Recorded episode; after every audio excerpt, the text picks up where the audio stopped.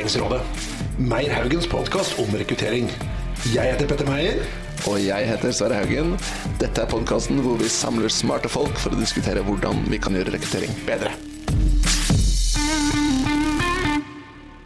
I dag er vi så heldige å ha med en spesiell gjest.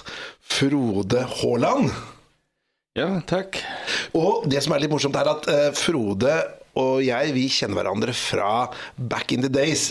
Jeg var da ung, fersk student på Høgskolen i Østfold, i Halden, og studerte organisasjon og ledelse. Og da var du ansvarlig for det studiet, Frode? Ja, det var jeg, og det rare er at jeg husker det òg. Ja. jeg har hatt noen studenter gjennom årene, men det er klart alltid, alltid noen som setter litt merker etter seg. Ja, men, men nå er det ikke sånn at vi har med Frode fordi han var din foreleser bare, Petter? Jeg tenkte primært det var det, men okay, han, har jo, han har gjort noe annet som også er spennende. Han har jo da skrevet en bok eh, om rekruttering, og boka heter 'Å knytte bånd'. Rekruttering, utvelgelse og innfasing av nyansatte. Fortell litt om det, Frode. Det er et uh, bokprosjekt som har gått over mange år, der jeg har uh, frustrert meg litt over uh, hvor dårlig mye av, av, rekrutteringen faktisk foregår. Og samtidig, og det er det veldig interessante, det er òg veldig mye bra rekruttering. Og det å se sider ved rekrutteringen både fra det gode og fra det dårlige, det syns jeg er morsomt. Og, og, dette er jo egentlig Dette er jo litt interessant, for dette er en ganske ny bok, er det ikke det? Ja, den kom for under en måned siden. under en måned siden, Og nå er vi altså i Vi er i mai fremdeles. Ja. ja så 2019-bok om rekruttering. Og Normalt sett i denne podkasten så har vi da to gjester hvor vi da diskuterer et rekrutteringscase da, eh, i en organisasjon. Men vi, i dag så gjør vi et unntak, for i dag skal vi da ha dypdykk i denne boka, som da er veldig relevant, og vi vil anbefale den for våre lyttere. Jeg må si at jeg, jeg eh, har jobba med rekruttering i 20 år, men jeg, allerede som på side 1, så hadde jeg mye å lære. Så det sier kanskje mer om min erfaring, men eller noen som sier om denne boka her er faktisk eh, veldig nyttig. Jeg syns jo det er morsomt å skrive for praktikere. Skrive noe som er leselig og lesverdig for hvem som helst. Så denne boka her er jo egentlig delt i to deler. Først kommer det en ganske lang eh, bok, og etterpå så kommer det altså en fryktelig mengde med sluttnoter. sånn at alt det som er av de mest sære, vanskelige tingene som liksom passer for akademikere, det er inn i sluttnotene. Og hvis du ønsker å fordype deg i noe, så kan du gå dit. Det betyr at resten av teksten den er ganske leselig. Bra. Du, vi skal komme Ja, men dessverre, vi må ja. ja, må ikke være så ivrig nå. For vi skal jo prate mer om denne boka her, Frode. Men for de av dere som, av lytterne våre som ikke kjenner Frode, så har jeg lyst til at han skal bare presentere seg litt mer. Så jeg kan ikke du fortelle om litt hva har du gjort tidligere, og hvordan endte du opp eh, i Halden? Og eh, ja, så har vi et par spørsmål til for å bli bedre kjent med deg. Jeg har eh, jobba eh, siden 91 på det som den gang het eh, Østfold distriktshøgskolen og Høgskolen i Østfold, med lederutvikling, lederutdanning. Og forska på hvordan er det folk lærer ledelse. Og skrevet en bok tidligere om det å bli leder for første, første gang. Og nå denne boka om, om ansettelser. Så jeg har jobba på felt ledelse, rekruttering, læring i 30 år. Spennende. Men hvis eh, vi skulle da møte deg på fest, da, Frode, og vi skulle eh, ta opp et tema som du blir veldig engasjert i, hva skulle vi prate om da? Du, Hvis du er nerd på noe, så kan det være det samme hva du er nerd på. Ah. Jeg syns alltid det er fryktelig morsomt. Om folk snakker om traktorer, eller om jakt, eller om biler, eller hva som helst, men har de virkelig greia på ting, så er det fryktelig morsomt bare å høre folk fortelle. Så det høres ut som du er ganske sånn uh, takknemlig samtalepartner, da, hvis man, hvis man har det interesse. Håper jo det. men jo, men det, det, er riktig. Men samtidig så må du ha en person da som, som har en passion da, for en ting. Og og måte, har energi og driv bak den tingen. Og så må du også finne ut hva den personen har lyst til å prate om. For man kan jo prate om La oss si du bare bommer på temaet, da. Og så tror du den personen kanskje ikke er så spennende. Ja, altså, passion er, For meg så er passion alltid viktig. Det er fryktelig viktig òg i rekruttering. Så tenker jeg, Hva er det egentlig du brenner på? Hvorfor i all verden er du her? Hvorfor ja. søker du på denne jobben når du har jobba i denne jobben her i ti år? Hvorfor har du vært her så lenge? Hva er det som har vært så morsomt? Ja. Det tenker jeg er viktig for arbeidsgiver å være opptatt av. For meg er det akkurat det samme hva du har passion for. Hva du har passion for noe. Jeg, jeg, har hørt en dame som snakket om jobben sin, som var egentlig å ta imot fakturaer. Og hun snakket om dette på en måte som var sånn at jeg virkelig liksom, Det var passion. da Hun snakket om Den der lyden av når du river opp konvolutten, og, og lukten av trykksverte, og følelsen av papiret, og det var ikke måte på hvor spennende det var. Du vurderte den jobben selv, du? Det var nesten så jeg burde vurdere. Ja. Men er ikke det morsomt? Altså, altså, og, og det er, jeg tenker i alle fall for dere som, som driver med rekruttering, det å søke etter og de som skal være ledere og skal få inn noen, og få inn noen som har noe de er interessert i. Det kjedeligste av alt er jo folk som bare er her. Og det er, jo, det er jo nesten sånn vi kjenner jo nå ikke sant, at vi har lyst til å begynne å snakke om passion istedenfor rekrutteringsboka. Men det er faktisk sånn at når du spør folk hva er det du assosierer med talent uh, i næringslivet, da, så er faktisk passion det som kommer opp som et av de viktigste tingene. Ja. Men, uh, og igjen, dette skal vi prate mer om, men jeg uh, tenkte vi skulle introdusere disse berømte dilemmaene våre, Sverre. Ja, fordi Frode, eh, nå vi jo, skal vi jo prate om boka og sånn, men på slutten, når vi har snakka litt om boka di, så skal du, som har skrevet en bok om rekruttering, få lov til å ta stilling til noen rekrutteringsdilemmaer. Eh, og vi skal introdusere dem nå, så kan du tenke litt på dem. Du får ikke lov til å svare helt enda, men du skal få lov til å tenke på dem til slutten. Og det første dilemmaet, det er jo hvis du hadde en organisasjon selv og skulle ansette en rekrutterer, vil du helst ha en, en teoretiker eller en som har praksiserfaring med, med rekruttering? Det er det første dilemmaet ditt. Det andre er eh, når du har en kandidat inn til en jobb, vil du helst ha en kandidat som er supermotivert for denne jobben, eller supermotivert for det som ligger etterpå, altså karrieremulighetene i denne jobben denne jobben leder til. Og det tredje dilemmaet, det er du har en toppkandidat som du har intervjuet, og alt ser veldig bra ut, men så finner du ut etter hvert at det er noe som er kanskje litt muffens her, og vi skal presentere etterpå hva det er for noe, som gjør at du må revurdere vil du ta den inn eller ikke. Og dette skal jeg da altså tenke på mens vi snakker om boka. Ja, multitasking går ikke an. Du kan tygge tyggegummi og gå samtidig. Men du kan ikke ha to høyere kognitive prosesser samtidig. Nei, men Dette er også litt til lytterne våre. da, ikke sant? Hvordan, eh, De er både spent på å høre hva du svarer på de dilemmaene, og hva de selv kanskje ville gjort. da. Og Det tredje dilemmaet da, som du nevnte, er at du har en toppkandidat som da alt funker med, men så er det én liten ting da, som ikke funker, og så er det på en måte hvor mye du vektlegger det. og Der har jeg en ganske spesiell historie fra mitt eget eh, rekrutteringsliv, da, men det kommer vi tilbake til eh, på tampen av sendingen. Bra. Skal vi gå litt over på boka, kanskje? Det kan er vi gjøre. Eh, For å si det sånn, dette her er jo en ganske tjukk eh, bok. Hvor mange sider er det, Frode? Ja, til det som er av, av tekst, så er det ikke så, så, så voldsomt. Det er nesten 600 sider. Ja, men det, da, da tar det med sluttnotene. Ja. Selve boka er egentlig på 434 sider. Ja, det er jo langt nok, det. Så kan jeg til lytterne da kommentere at eh, Frode har med seg sitt eget leseeksemplar av boka, som har omtrent 10 000 sånne merkelapper på ulike sider. eh, Notverdige ting, antar jeg, i boka. Ja, Men, men eh, det å, å skrive en bok, da. Hvorfor, hvorfor skrev du denne boka her, Frode? Jeg har eh, jobba med lederutvikling i veldig mange år, og da er det slik at eh, du hører historier, og denne boka handler egentlig om de historiene som jeg har hørt. Eh, tenk at du sitter og jobber og forbereder f.eks. undervisning, og så ringer der en student, altså det var ikke deg da, men en tilsvarende student, og ringer og sier eh, du Frode, jeg har behov for et råd, kan jeg spørre, spørre deg om noe? Jo, men hva er det som har skjedd? Jo, jeg har vært på et eh, intervju, jobbintervju, og du aner ikke hvilke gale Mathias folk kan finne på å gjøre. Tenkte, dette er jo spennende. At folk kan ringe til en eh, tidligere lærer som de har- hadde for fem-ti år siden, og så si OK, her har jeg opplevd noe. Eh, Dette preger meg. Hva hvordan skal jeg forstå dette her? Og folk forteller jo altså om, om, om alt ifra å eh, svare på spørsmål om hvor mange kumlokk er der i New York. Eh, og Google slutta for få år siden å spørre hvis du var en superhelt, hvilken superhelt ville du da være? Tenker, hva slags gale Mathias er dette her? Samtidig så du hører andre historier der folk sier nå skal du høre en historie. Jeg var på et jobbintervju, og veit du, i løpet av det intervjuet så ble vi enige om å lage et nytt produkt. Ja.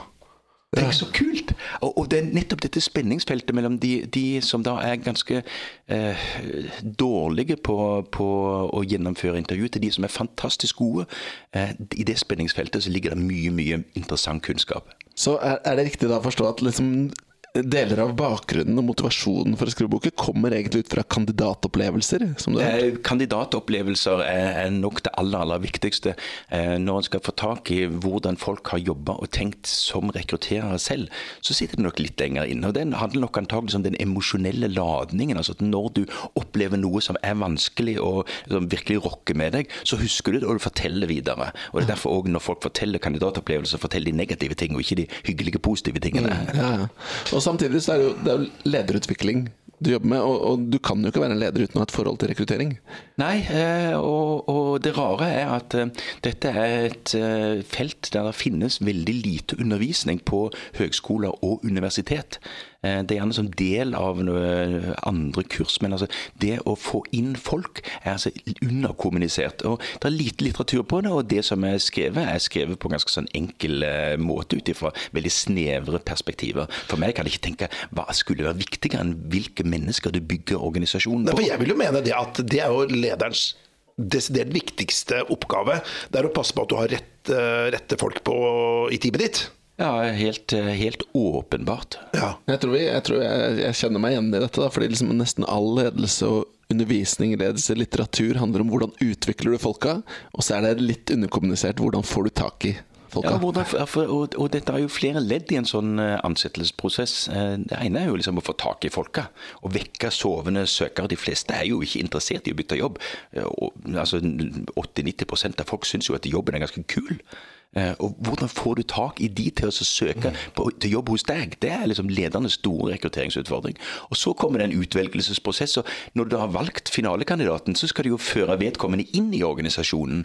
Og, og Det er i alle fall noe som en ikke har sett på. Altså, Hvordan gjør du den som var den beste kandidaten, til den beste ansatte? Ah, du, det, er, det er et godt poeng. For vi, ja, ok, vi skal ta det som et uh, tema senere her. Men, men uh, hvem er målgruppa for denne boka, her Frode?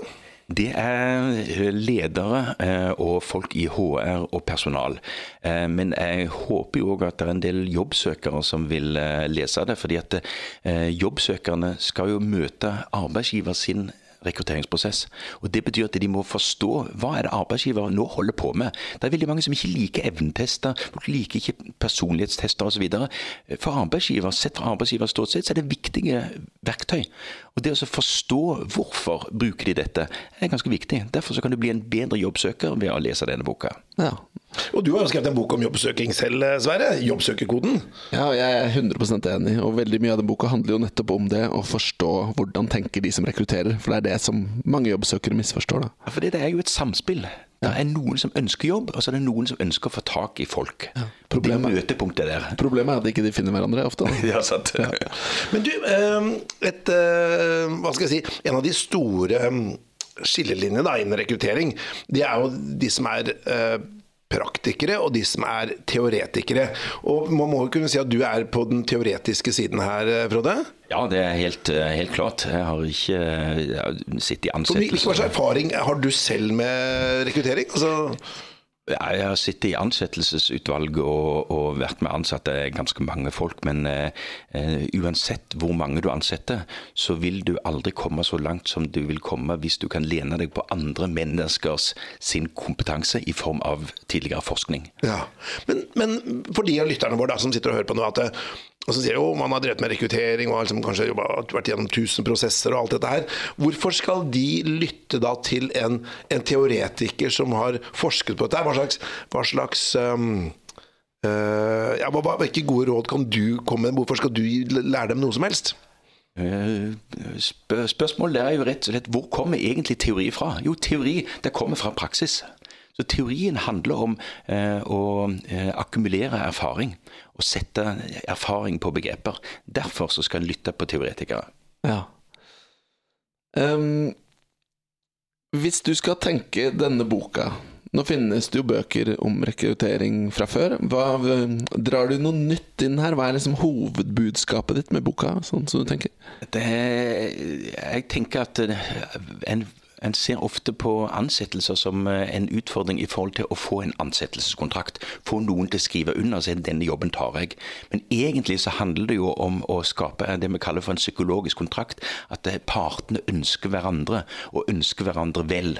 Eh, altså De har en avtale om hvordan dette skal skje. Det er egentlig kjernen. Det handler om å knytte eh, sosiale bånd, og det handler om å knytte formelle bånd. Formelle bånd er, er, jo da eh, selve ansettelseskontrakten. Men det er sosiale bånd. At folk har lyst til å jobbe her. At de har lyst til å jobbe med disse oppgavene. lyst til å jobbe for denne arbeidsgiveren. Det er de båndene som holder folk på plass på jobben. For jeg, når jeg leste denne boken, da, så jeg har tenkt på rekruttering, som har vært den termen som jeg har brukt i 20 år. Men jeg ser jo at den er ganske sånn teknisk og snever. Så når jeg leste boken din, så sier du 'å knytte bånd'. Og 'å knytte bånd' kunne jo vært tittelen på en eller annen roman. Eh, for det er jo den, det sosiale her som er i mye større grad. Og så trekker du også frem at rekruttering er ikke over ved en signatur på et papir. Det er, det er onboardingsprosessen. Og så er det egentlig ganske lenge etter det også. Ja, eh, Vi vet jo ikke hvor lang tid det tar å komme inn eh, i en ny jobb. Det vet vi faktisk ikke. Eh, men vi ser at turnoveren eh, på, for nyansatte den er altså høyere enn for resten av staben i ca. tre år. Det, det, betyr altså at folk er ikke fast på jobben før etter ca. tre år. Og så vil Utfordringen for arbeidsgiver er å si er det mulig å få unnagjort eventuelt turnover tidligere, sånn at vi kan få bytta ut de som ikke har lyst til å jobbe her. Og selvsagt det som handler om utvelgelsesprosessen, at vi velger riktigere første gang. Ja. Um, var det noe sto helt stille, for jeg tenkte på en ting her som Ja, men du, jeg tenkte at det, i hvert fall uh, boka her tar jo fram dette med det prediktive perspektivet. Og det føler jeg er et ganske bærende element i boken din. For i hvert fall historisk sett altså har man tenkt på rekruttering at man skal se på historikken til en kandidat, og så skal man da se har personen vært bra tidligere, så er man bra i framtiden. For man treffer jo da kandidaten bare på et tilfeldig sted i livet. Og så tenker man at det er det man kaller prediktiv validitet. da. Men du, er, du ønsker i hvert fall å stille noen spørsmål rundt akkurat denne måten å jobbe med, med rekruttering på. Ja, altså Det prediktive perspektiv det er liksom den klassiske måten å tenke på. Det er egentlig en sånn psykologisk eh, tenkning. og Det sier altså at arbeidsgiver skal velge. Eh, og de skal velge på basis av en arbeidsanalyse, altså hva er det folk skal, skal gjøre. Og så må man bruke validerte metoder, så det høres veldig sånn teknisk ut, men det handler rett og slett om å bruke gode metoder. Eh, og det vi skal forutsi, er jo da hvor godt vil vedkommende prestere eh, hvis vedkommende får jobben. Det er kjernen i det. Men utfordringen er jo at det er jo ikke bare arbeidsgiver som skal velge. Søkerne skal òg velge.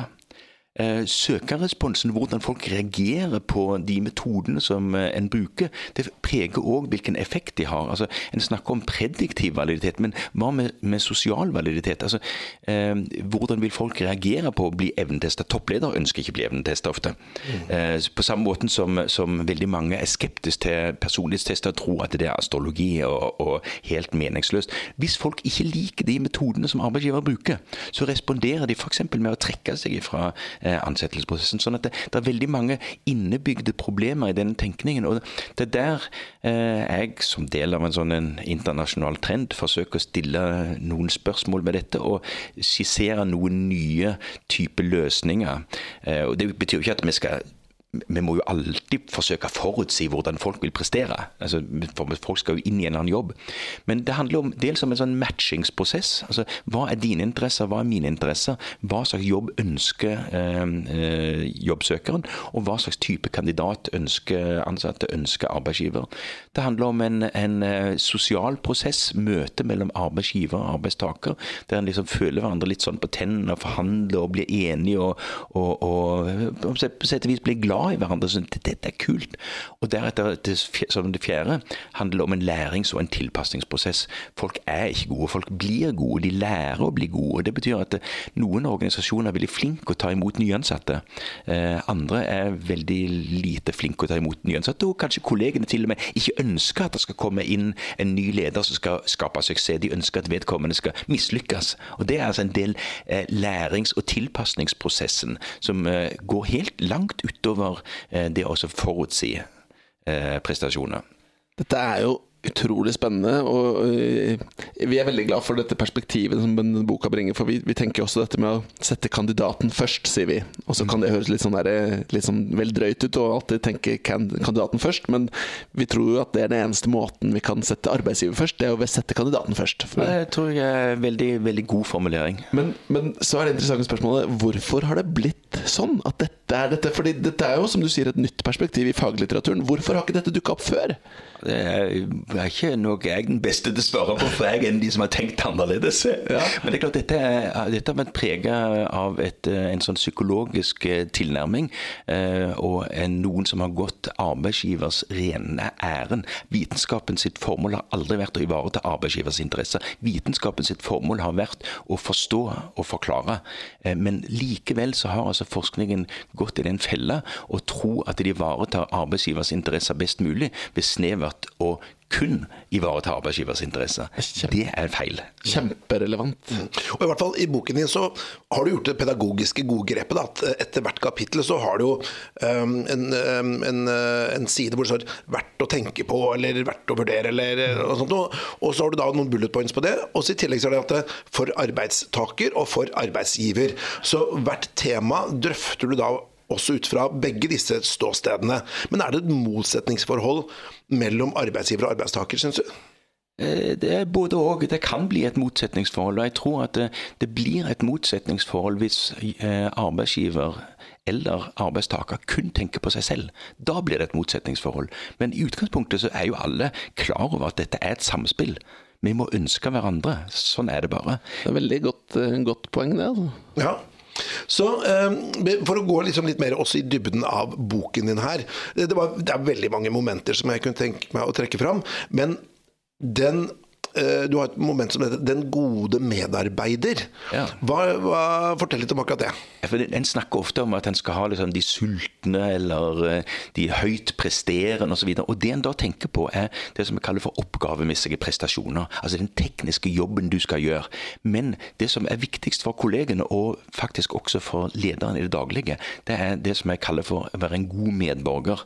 Eh, engelsk snakker om organizational citizenship behavior, eller ekstrarolleatferd. Det rett og slett om f.eks. hjelpsomhet. Mm. En, kollega, en, en, ansatt som ikke hjelper sine kolleger, eller ikke vil innordne seg lederens autoritet, eller ikke vil lese rundskriv, eh, det er en problematisk medarbeider. Så en god medarbeider har gode oppgavemessige prestasjoner, en god medborger. Og det tredje er at den må ikke være kontraproduktiv. Og det er en sånn, eh, Vi snakker veldig ofte om hva som gjør at folk skal prioriteres, men kontraproduktiv atferd det som bare eliminerer folk fra søkelista. Iallfall tenker jeg slik at eh, hvis det kommer noen røde flagg her eh, om, eh, om eh, mistanker om at dette kan være folk eh, som har et alkoholproblem, eller som eh, ikke vil innordne seg lederens organisasjon sine interesser, vil stjele osv., det er bare nei. Og Det er litt sånn, det er egentlig litt kjipt å tenke på, for dette, det er akkurat samme mekanisme som gjør at eh, folk som har vært i fengsel, ikke får jobb igjen. Eh, det betyr at du blir jo ikke ferdig med det. Men for arbeidsgiver så er det faktisk helt reelt å ta stilling til hva er egentlig risikoen for at noen skal vise negativ atferd. Vi vet at det er altså, et eller annet sted sånn 130 000-180 000 mennesker som blir mobba på jobb i dag. Det er helt dønn alvorlig problem. Og noen trakasserer mer enn andre. De folka ønsker vi ikke inn. En interessant perspektiv på dette er jo i denne boka som Jobbsøkerkoden, som jeg har vært med å skrive, så, så, så har vi på tre påstander at, eller en påstand om at alle arbeidsgivere ønsker å sjekke av om du klarer jobben, om du blir lenge nok, og om du passer inn, som er relatert til det du sier. Og det vi ser der, er at 96% av alle vi intervjuet og snakket med, bekrefter dette med å levere. Mens 90% bekrefter dette med å passe inn og dette perspektivet du sier. Altså det er en viktig ting. Og likevel så er det jo litt sånn at når man snakker om rekruttering, at kjemi, det der magefølelsesrekruttering, det blir jo veldig sett ned på. Ja, og, det er all mulig grunn til å se ned på det. Vi blir alle ramma av uh, ulike typer bias og, og feilvurderinger hele tida. Alle ledere som har ansatt flere enn én en gang, har gjort noen feilrekrutteringer. De har gjort noen feilvurderinger. Sånn er det bare. Så det er klart at det, det å passe på at en ikke gjør feilvurderinger, det, det er helt åpenbart. Det, det er viktig. Eh, men en måte å nærme seg det å si ja, hva betyr det egentlig å passe inn? Hva er det da du skal passe til? Det som vi ofte snakker om, er jo å passe til jobben, og det er viktig. Men du skal òg passe inn i arbeidsgruppa. Du skal passe med lederen, og du skal passe til organisasjonen og dens kultur. Uh, og i tillegg òg, uh, hvis det er nye, uh, nyutdannede, så kan du tenke på å passe vedkommende til yrket. For, for, dette her er jo Ikke sant, for det man, det man, kaller sånn feilrekruttering, det er jo en, en helt, veldig viktig problemstilling da, i, i, alle som jobber med rekruttering. Og så, når jeg leser boken din, da, så, så, sier du at, at La oss si at en person ikke fungerer, da. Så behøver jo ikke det nødvendigvis være at selve rekrutterings prosessen var gal, eller at valget var galt, eller at man brukte feil metodikk, eller at referansen jugde. Det kan rett og slett bare at personen ikke fungerte, at det skjedde noe etter at man hadde begynt, eller at onboardingsprosessen var gal. Det er mange ledd i denne verdikjeden som må fungere for at det skal være en vellykket rekruttering. Ja, og, og, det er klart, altså, jeg, jeg bruker gjerne eksempelet eller metaforen. Eh, gode råvarer gir ikke god middag.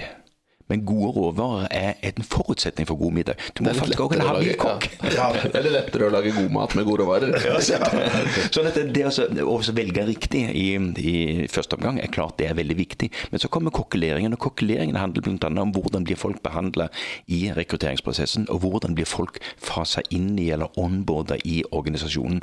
Og eh, Arbeidsgivere er generelt altfor lite flinke til å bruke prøvetida og følge opp og lære, lære eh, folk opp til å gjøre en god jobb, passe inn kulturelt, passe inn med, med sine kolleger osv. Det er, veld, det er et veldig godt bilde. Jeg likte det kokkebildet. Nå er jeg litt sånn glad i å lage mat. Og, og, det er lett å ødelegge gode råvarer, for å si det sånn. Men det er et sånn uttrykk i rekruttering at uh, 'stars can be made'.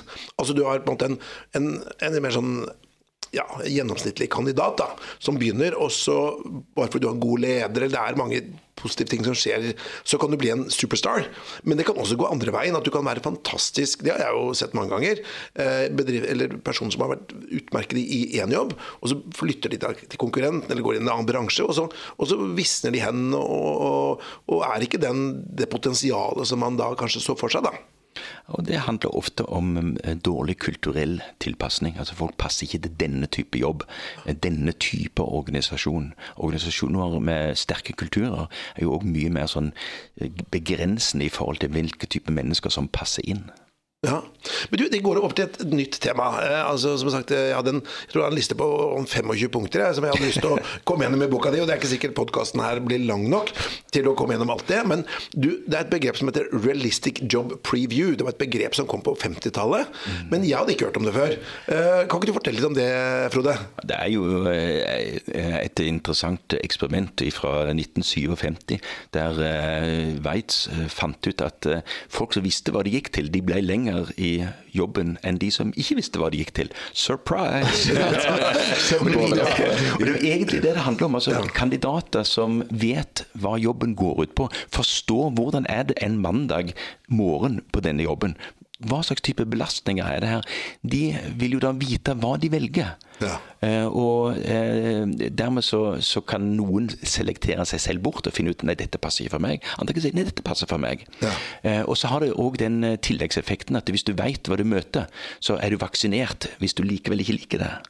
Nettopp. For det er, det er, et uttrykk som heter at eh, en, et intervju da, det er samtale mellom to løgnere. Mm. Men eh, Så du mener at en annonse, da, f.eks., kanskje har litt preg av sånn bruktbilsalg. Da, at en arbeidsgiver prøver å, å framstå som en bedre leder. Organisasjonen en, er bedre for den ansatte. At man prøver å, å, å lure eller, eller, forføre nærmest da, en kandidat inn i denne jobben. Jeg tror forføre er et bedre begrep enn å lure. For jeg tror ikke eh, noen av partene, vanligvis i alle fall, ikke er ute etter å lure den andre, men å ønske å framstå i et best mulig lys. Og ved å framstå i et best mulig lys, eh, så forfører en den andre, og så er det noe som da ikke får fokus. Men, men la, dette, dette, igjen, da, så er det jo spot on på noe som vi syns er viktig. Jeg pleier å si litt sånn at jeg, til kandidater da, så sier jeg at nå skal jeg prøve å skremme deg vekk. Og hvis du ikke blir skremt, så er det i hvert fall det er liksom forventningene stilt. da. Men til de da som sitter og lytter på dette. Bør de tørre å si fra hvis det er ting som ikke funker i organisasjonen? Det syns jeg absolutt. For det, det, som ikke funker, det kommer jo til møte uansett første dag. Så du kan ikke holde det skjult lenger enn maksimalt fram til første arbeidsdag. Men hva med sånn som i IT-bransjen, da, hvor det er så vanskelig å få tak i folk, og så endelig så får du tak i den ene Java-utvikleren, da, og så, og så er du livredd for at han ikke skal tørre å komme inn. Det er jo det som er, det det som er klemma her. At uh, folk er redd for å skremme bort. Og så gjør de noe som egentlig er ganske eh, kontraproduktivt. De uh, holder informasjonen skjult, og så kommer vedkommende på jobb, og så opplever den dette negative. Og så tenker jeg nei, men det var ikke dette jeg håpa det skulle være. Og så slutter vedkommende for tidlig allikevel. Ja. Nå, nå ble jeg nysgjerrig på en litt annet spørsmål, hvis jeg får lov til å ta et litt sånn revolverspørsmål. Burde arbeidsgivere skrive hva lønna er i stillingsannonsene?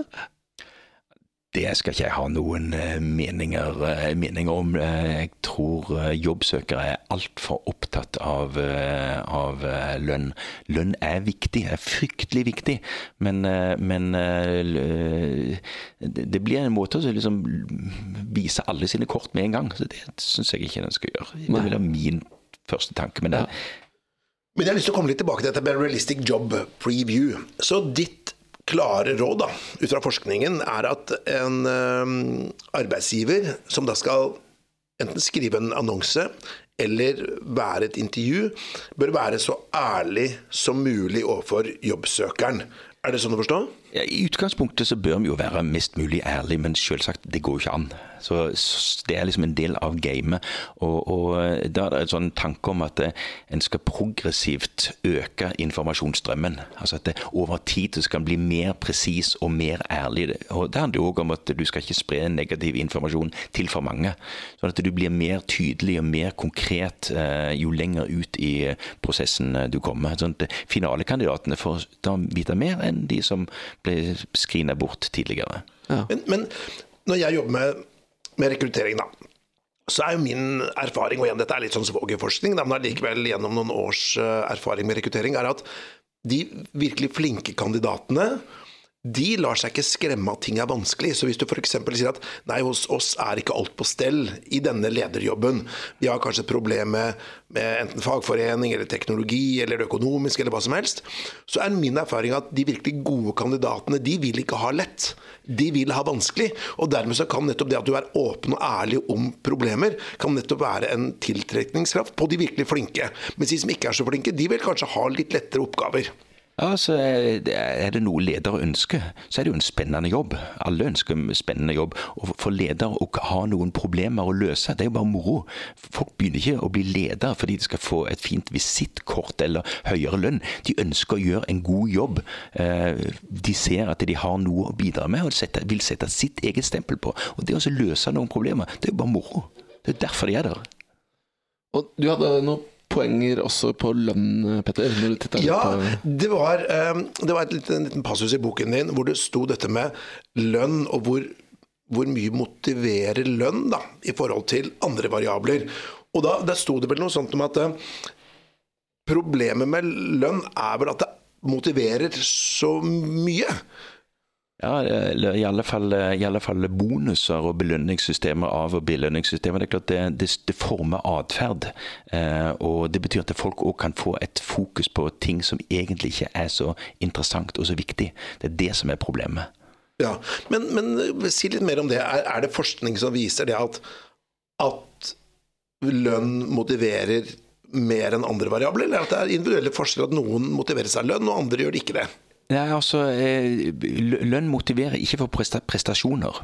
Nei. Det gjør det ikke. Men det henleder folks oppmerksomhet. Det betyr at de kan prestere på andre områder. Altså, Folk finner løsninger som gjør at eh, de eh, får inn altså Ledere eksempelvis får høyere lønn fordi at de f.eks. selger unna noen deler av virksomheten så aksjekursen stiger. Sånn at du, du får dreid oppmerksomhet, du får dreid aktivitet. Det er problemet. Så hvis du da belønner økonomisk Eh, eller aktiviteter eller atferd som er i tråd med bedriftens mål, så er det bra. Men hvis, eh, hvis du ikke gjør det, så kan du få veldig sånn uønsket atferd. Det er å finne noe som bare belønner det riktige. Det er det som er problemet. Eh, alle eh, Ingen medisin uten bivirkninger. Eh, og det er det som er problemet. At det er veldig vanskelig å forutse hvordan vil dette her eh, arte seg i, i praksis. Derfor er også alle sånn av- og belønningssystemer veldig, veldig farlige. Og, og, dette er jo dette med lønn er jo også en vanskelig problematikk. For vi snakket i stad om, om, noen bransjer hvor det er vanskelig å få tak i folk. F.eks. innenfor noen områder innenfor teknologi, IT, så er det stor rift om de rette kompetansen. I det markedet så drives jo lønningene opp. Hvordan skal disse rekruttererne der ute som lytter forholde seg til når de har disse kandidatene som liksom, hvor hele tiden lønna går opp, og så er det jo ingen som har lyst til å ha noen som ansettes fordi lønna er viktigst. Nei, det, er, det der er ei klemme der, men eh, jeg tenker at noe av nøkkelen ligger i å være interessant uavhengig av lønn. Altså nettopp det å tilby spennende, gode prosjekter, interessante arbeidsoppgaver, interessante, altså noe som er morsomt å holde på med. Det er det som skal motivere folk. Og hvis folk blir for fokusert på lønn, så vil jeg tenke at du er kanskje ikke en god kandidat. Vi ønsker ikke folk som har det fokuset. Men uh, får du ikke tak i folk, så får du ikke tak i folk. Det er klart, Dette er, et, dette er virkelig et dilemma. Ja. ja um, har du et spørsmål, ja, Sverre? Jeg har et spørsmål til. Ja, ja. Og, da, og da har jeg lyst til å liksom løfte blikket litt. Eh, for nå har vi snakket litt om noen av momentene her. Det er veldig mye spennende ting i den boka. Eh, men hvis vi skal se, liksom, hvis du skal løfte blikket litt, da, Frode. Hva håper du folk sitter igjen med hvis de leser boka? Altså, da snakker vi om den målgruppen her. Ledere, HR-folk, de som jobber med rekruttering. Hva er målet de skal lære av dette? Det jeg håper, er at folk sier at eh, jeg har gjort noe riktig. Og det er jeg veldig stolt av.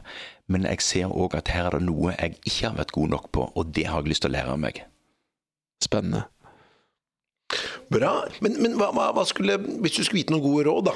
Ikke sant? For her sitter jo mange og hører på nå, da. ikke sant? Og, og, mange er jo veldig gode til rekruttering.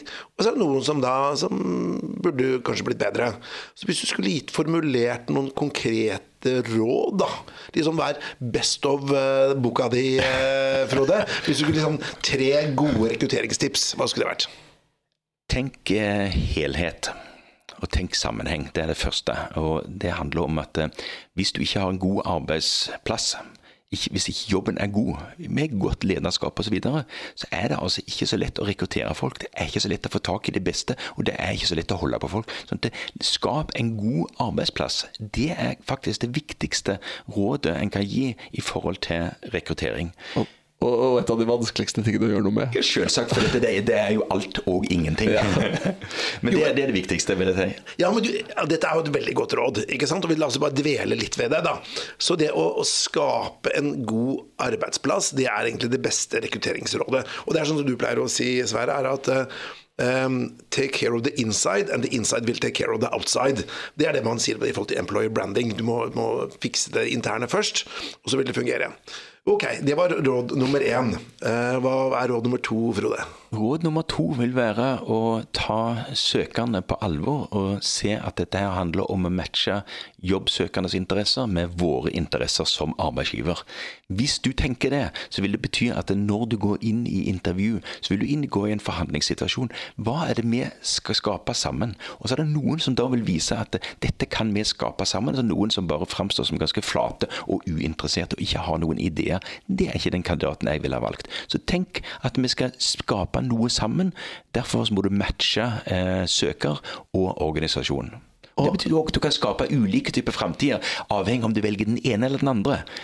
Hvem har mest ansvar for å fikse det?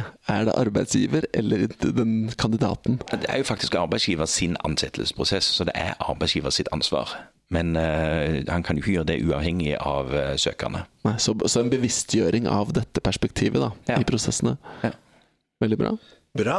Og så uh, tredje tipset, hva skulle det vært? Det tredje tipset, eller rådet, er at på, når du har valgt din finalekandidat, så at du får jobben din, og vedkommende har skrevet under, det er da det egentlig starter. Det, vil si, det har jo egentlig begynt veldig tidlig, mye tidligere enn det. For at den onboardingen eller innfasingen av nyansatte starter jo med hva er det vi reklamerer med, hva er det vi forteller i annonsen, hva er det vi sier i intervjuene. Eh, og hvis du har gjort en god eh, utvelgelsesprosess, så har du et mye bedre utgangspunkt når du skal fase folk inn. Da vet du deres styrker og deres svakheter. Da vet du noe om hva er det folk har behov for opplæring på, hva er det folk har behov for å eh, justere på, eh, hvem kan de tenkes å jobbe sammen med. Så du må liksom ikke la, la oppmerksomheten glippe første dag.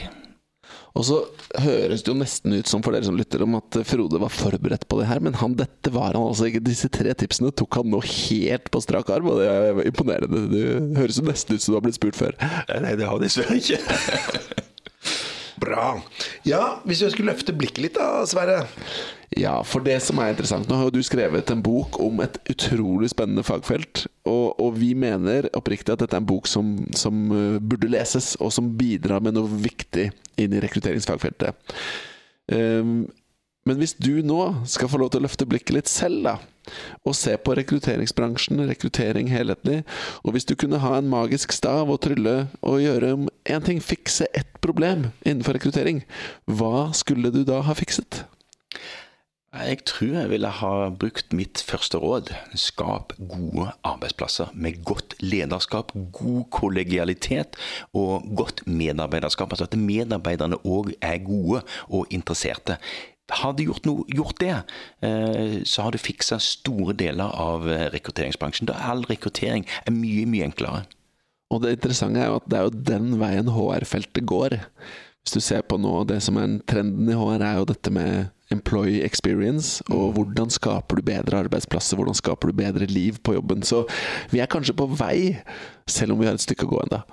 Så, så for de arbeidsgiverne da, som sliter med å få gode kandidater der, så kan du bare si at ja, det er ikke kandidatene det er noe galt med, det er kanskje din egen arbeidsplass, eller er det for strengt?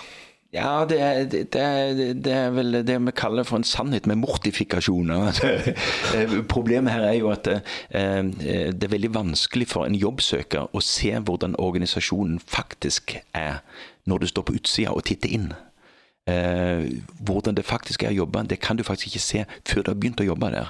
Og Det betyr altså at det, eh, reklamebildet er viktig, men eh, når, når, du da har begynt å jobbe, det først da du føler på kroppen hvordan det faktisk er. Så det å, å, å eh, forstå eh, forskjellen mellom hvordan organisasjonen ser ut på utsida hvordan den ser ut på innsida, det tenker jeg noe av nøkkelen her. Og der er vi jo, da er vi jo litt over på, hvis vi skal se på denne problemstillingen vi snakker om nå, dette tingen å fikse. Hvis vi som arbeidsgivere, som rekrutterere, klarer å gi et bedre og mer realistisk bilde av jobben, kulturen, ledelsen, så vil det bidra kanskje lite grann, da? Jeg vil tro det vil bidra, bidra ganske mye, for eh, alle har jo sine styrker. Men vi har jo òg alle våre svakheter. Og Det betyr òg at det er noen søkere som passer inn her, og noen som ikke passer inn her. Eh, og hvis det, du er ærlig på hvordan det faktisk er, så vil også folk kunne velge seg inn steder der de syns at utfordringene, det som er bra og det som er dårlig, at det faktisk passer til mine interesser. Jeg har lyst til å jobbe der i mange år.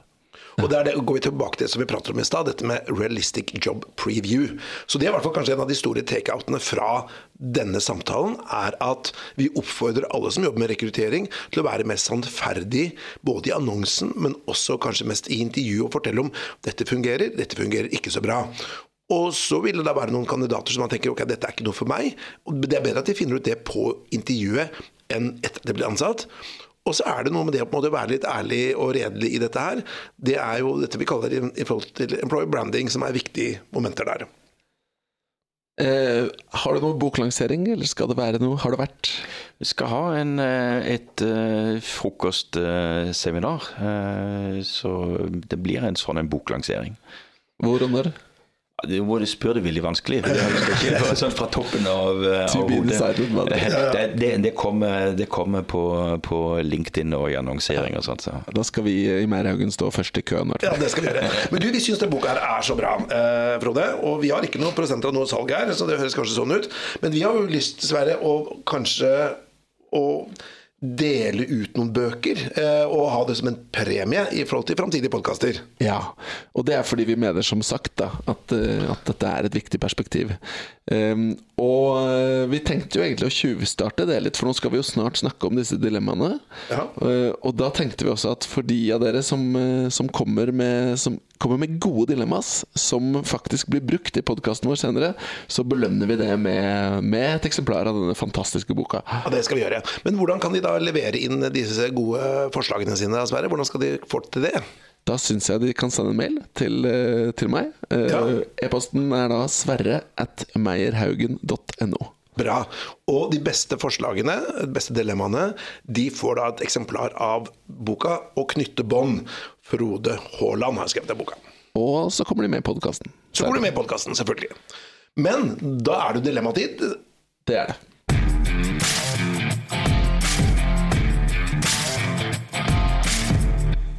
Så, Frode. Vi tok innledningsvis eh, og presenterte disse dilemmaene. Og første dilemmaet ditt er hvis vi nå forestiller oss du leder en bedrift, og så skal du ansatte en person til å jobbe med rekruttering til den bedriften.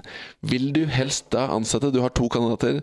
Den ene er en teoretiker, le- belest og kan teorien og alt dette. Det andre er en praktiker og har jobbet med rekrutteringsfaget en stund. Hvem velger du? Det er åpenbart valgt teoretiker. Som teoretiker sjøl så er kanskje ikke det så overraskende. Men eh, det at du har lest teorien eh, og mangler praksis, er det noe du får hvis du får jobben, så er det jo nettopp erfaring og praksis. Eh, mens hvis du bare har erfaring fra før, så får du bare enda mer erfaring. Så jeg ville valgt en teoretiker som da må læres opp og får praksiserfaring. For dette her er jo eh, en eh, midt i blinken i forhold til et sånt rekrutteringsdilemma generelt. Man har jo personer som da har mye erfaring. Versus personer som da på en måte har en teoretisk bakgrunn, kanskje kommer rett fra studier. da. Eh, Tom Nordli sa jo en gang at du trenger ikke å ha vært hest for å bli en god jockey. Så det er ikke alltid nødvendig å ha denne gode erfaringen, da, altså. Nei. Um, bra. Det var jo tydeligvis litt for lett, dette dilemmaet. Så får vi se om vi får skru, skru opp, eh, skru opp vanskelighetsgraden litt. Um, hvis vi da ser for oss at du skal rekruttere inn en kandidat, da. Eh, og så har du valget mellom to kandidater. Den ene kandidaten er supermotivert for denne jobben, sånn som den er nå, der den er. Den andre er også veldig motivert for å få jobben, men der ligger motivasjonen for det jobben leder til, altså karrieremulighetene som ligger fram i tid. Hvem av disse to kandidatene ville du valgt? Dette er mer sånn typisk dilemma. Eh, og jeg ville valgt eh, en som har interesse lenger forover. Som altså setter denne jobben inn i en større sammenheng. Eh, men han må jo kunne gjøre den jobben han er satt til. Altså, du, du kommer ikke unna at de må faktisk kunne gjøre jobben. og eh, Sånn sett så er, kan du si, det er kanskje ikke et eh, dilemma, for du må kunne nå målene for din nåværende stilling. Hva hadde du valgt da, Petter? Jeg, eh, jeg har tenkt litt på det. Jeg er jo helt enig. Du kan ikke ansette noen til en jobb hvis de ikke er interessert i den jobben eller kan den jobben. Men la oss si at begge kan den jobben, da, men bare motivasjonen deres ligger et annet sted. Og Det er jo mange bedrifter eh, hvor man ansetter personer til en lavere grad stilling, men så er potensialet da lederstillinger senere. Du har det i konsulentselskaper, så tenker du at vi ansetter ikke personer som ikke har potensial for å bli partnere. Og du har, eh, i hvert fall i bedrifter jeg har jobbet i, så tenker man alltid at personen bør ha potensial til å ta et steg senere. Men igjen, hvor raskt det steget tas, som det er etter 14 dager at de er lei av den første jobben og har lyst til å bruke det som springbrett videre, eller om de tenker 3-4-5 år, det er da spørsmålet. Ja, må, Du må jo liksom eh, ha interesse for å gjøre din nåværende jobb ordentlig. Hvis du ikke har det, så er det jo uinteressant. Men det er jo ikke positivt hvis, For jeg spør jo ofte at hva slags tidsperspektiv har du for denne jobben? Og hvis man jo her ønsker jeg være resten av livet til jeg går av med pensjon, det er jo ikke sånn toppsvar det heller alltid. Hvis de mener det, da. Det spørs hva de legger i det. Jeg har jobba for samme arbeidsgiver siden 1991. Det må jo være en ganske kjip, uh, kjip karriere. Jobben min i dag er en helt annen enn det den var i 1991. Når vi møttes for, for, 94, når vi møttes første gang. Det, en lærer å utvikle seg underveis. sånn at det at en har samme arbeidsgiver eller samme stillingstittel, det betyr ikke nødvendigvis noe, for det handler om hvilke oppgaver er det du har hatt? Hvem er det du har jobba sammen med? Uh, har du jobba med både gode og dårlige sjefer? Alt dette sier noe om hvordan er det du lærer av den jobben du, du har. Og dette er også noe du toucher inne på, og dette med endring, at liksom jobben endrer seg underveis. Ja. ja. Bra. Så- så bra. Siste dilemma, Sverre. Siste dilemma er jo kanskje toppen av, toppen av kransekaka her nå. Um, her har vi igjen, så sett, må du se for deg at du sitter og skal rekruttere, og så har du en kandidat. Og denne gangen er det ikke noen tvil, dette er den eneste bra kandidaten. Det er en toppkandidat, superkvalifisert, framstår som motivert. Alt er bra, tipp topp, tommel opp. Men så er det bare én ting, Petter. Ja, og dette her er jo fra min egen erfaring da, eh, fra rekrutteringsbransjen. Um, Og vi hadde en, eh, en kvinnelig kandidat som var helt outstanding på alle vis. Og så førstegangsintervjuet gikk helt fantastisk. Og, og vi tenkte at dette her er home run på denne kandidaten. Eh, og så var det eh, hun som da var hjalp oss i resepsjonen. da. Hun bare kom inn til oss etter intervjuet var ferdig, og så sier hun at ja, jeg vil bare at dere skal vite at kandidaten gikk på do rett før intervjuet, og toalettet så ikke ut etter henne.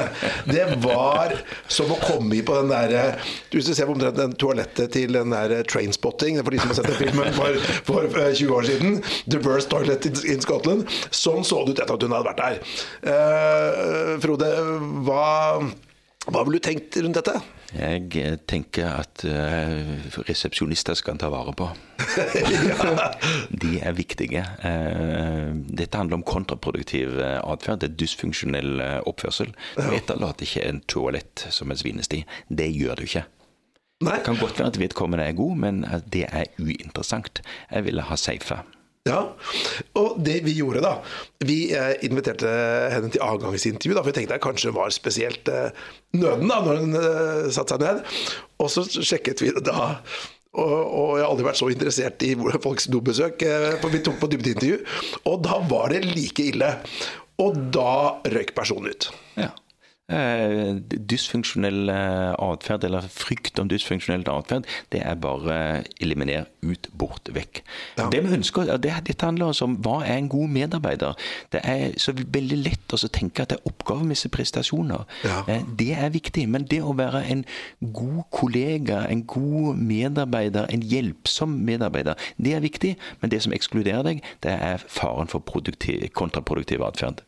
For Man ser jo for seg, hvis dette var da en vane, da, hvordan kollegaer ville reagere på dette. Det ville jo gå helt galt. Men vi hadde jo da en Bård Fossli Jensen var jo gjest her eh, på tidligere podkast. Og jeg tipper hans råd hadde vært ja, men dere må jo ta det opp med personen. gjorde dere det? Nei, vi gjorde ikke det. Der feiga vi rett og slett ut. Så hun går fremdeles rundt og ødelegger toaletter rundt omkring? Ja, det vet jeg ikke. Det, kanskje. Men, men, men eh, der må jeg si at det er litt kritikk til meg selv. Vi burde jo tatt det opp med eh, henne da, og bare sagt du, hva er det der for noe? Men det gjorde vi altså ikke. Så eh, det er en læring til meg selv. Det er jo for så vidt også en interessant ting, dette som er liksom Hva tar du opp, hva sier du, hva, hvilke tilbakemelding gir du? Er du noe innom det i boka di, Frode? Veldig, veldig lite. Det blir for mye detaljer. Men det er klart at det, den, den hyggelige måten å gjøre det på, det er jo også eh, å ta det opp med vedkommende og se hva svaret, svaret gir. Eh, Hva svar vedkommende gir. Men eh, når det har skjedd andre gang, så tenker jeg eh, fortiden er alltid en god prediktor for framtiden. Og det går an å ta seg sammen en periode, men jeg er ikke sikker på om det ville ha fiksa seg. Jeg- hadde safa. Ja, bra. Men du, da tenkte jeg at vi skulle gå inn for landing her, Frode og Sverre. Yes. Dette var jo veldig, veldig morsomt, eh, Frode, og vi er så glad for at det har kommet en helt ny bok som bringer et godt og nytt perspektiv på rekruttering i i det norske markedet.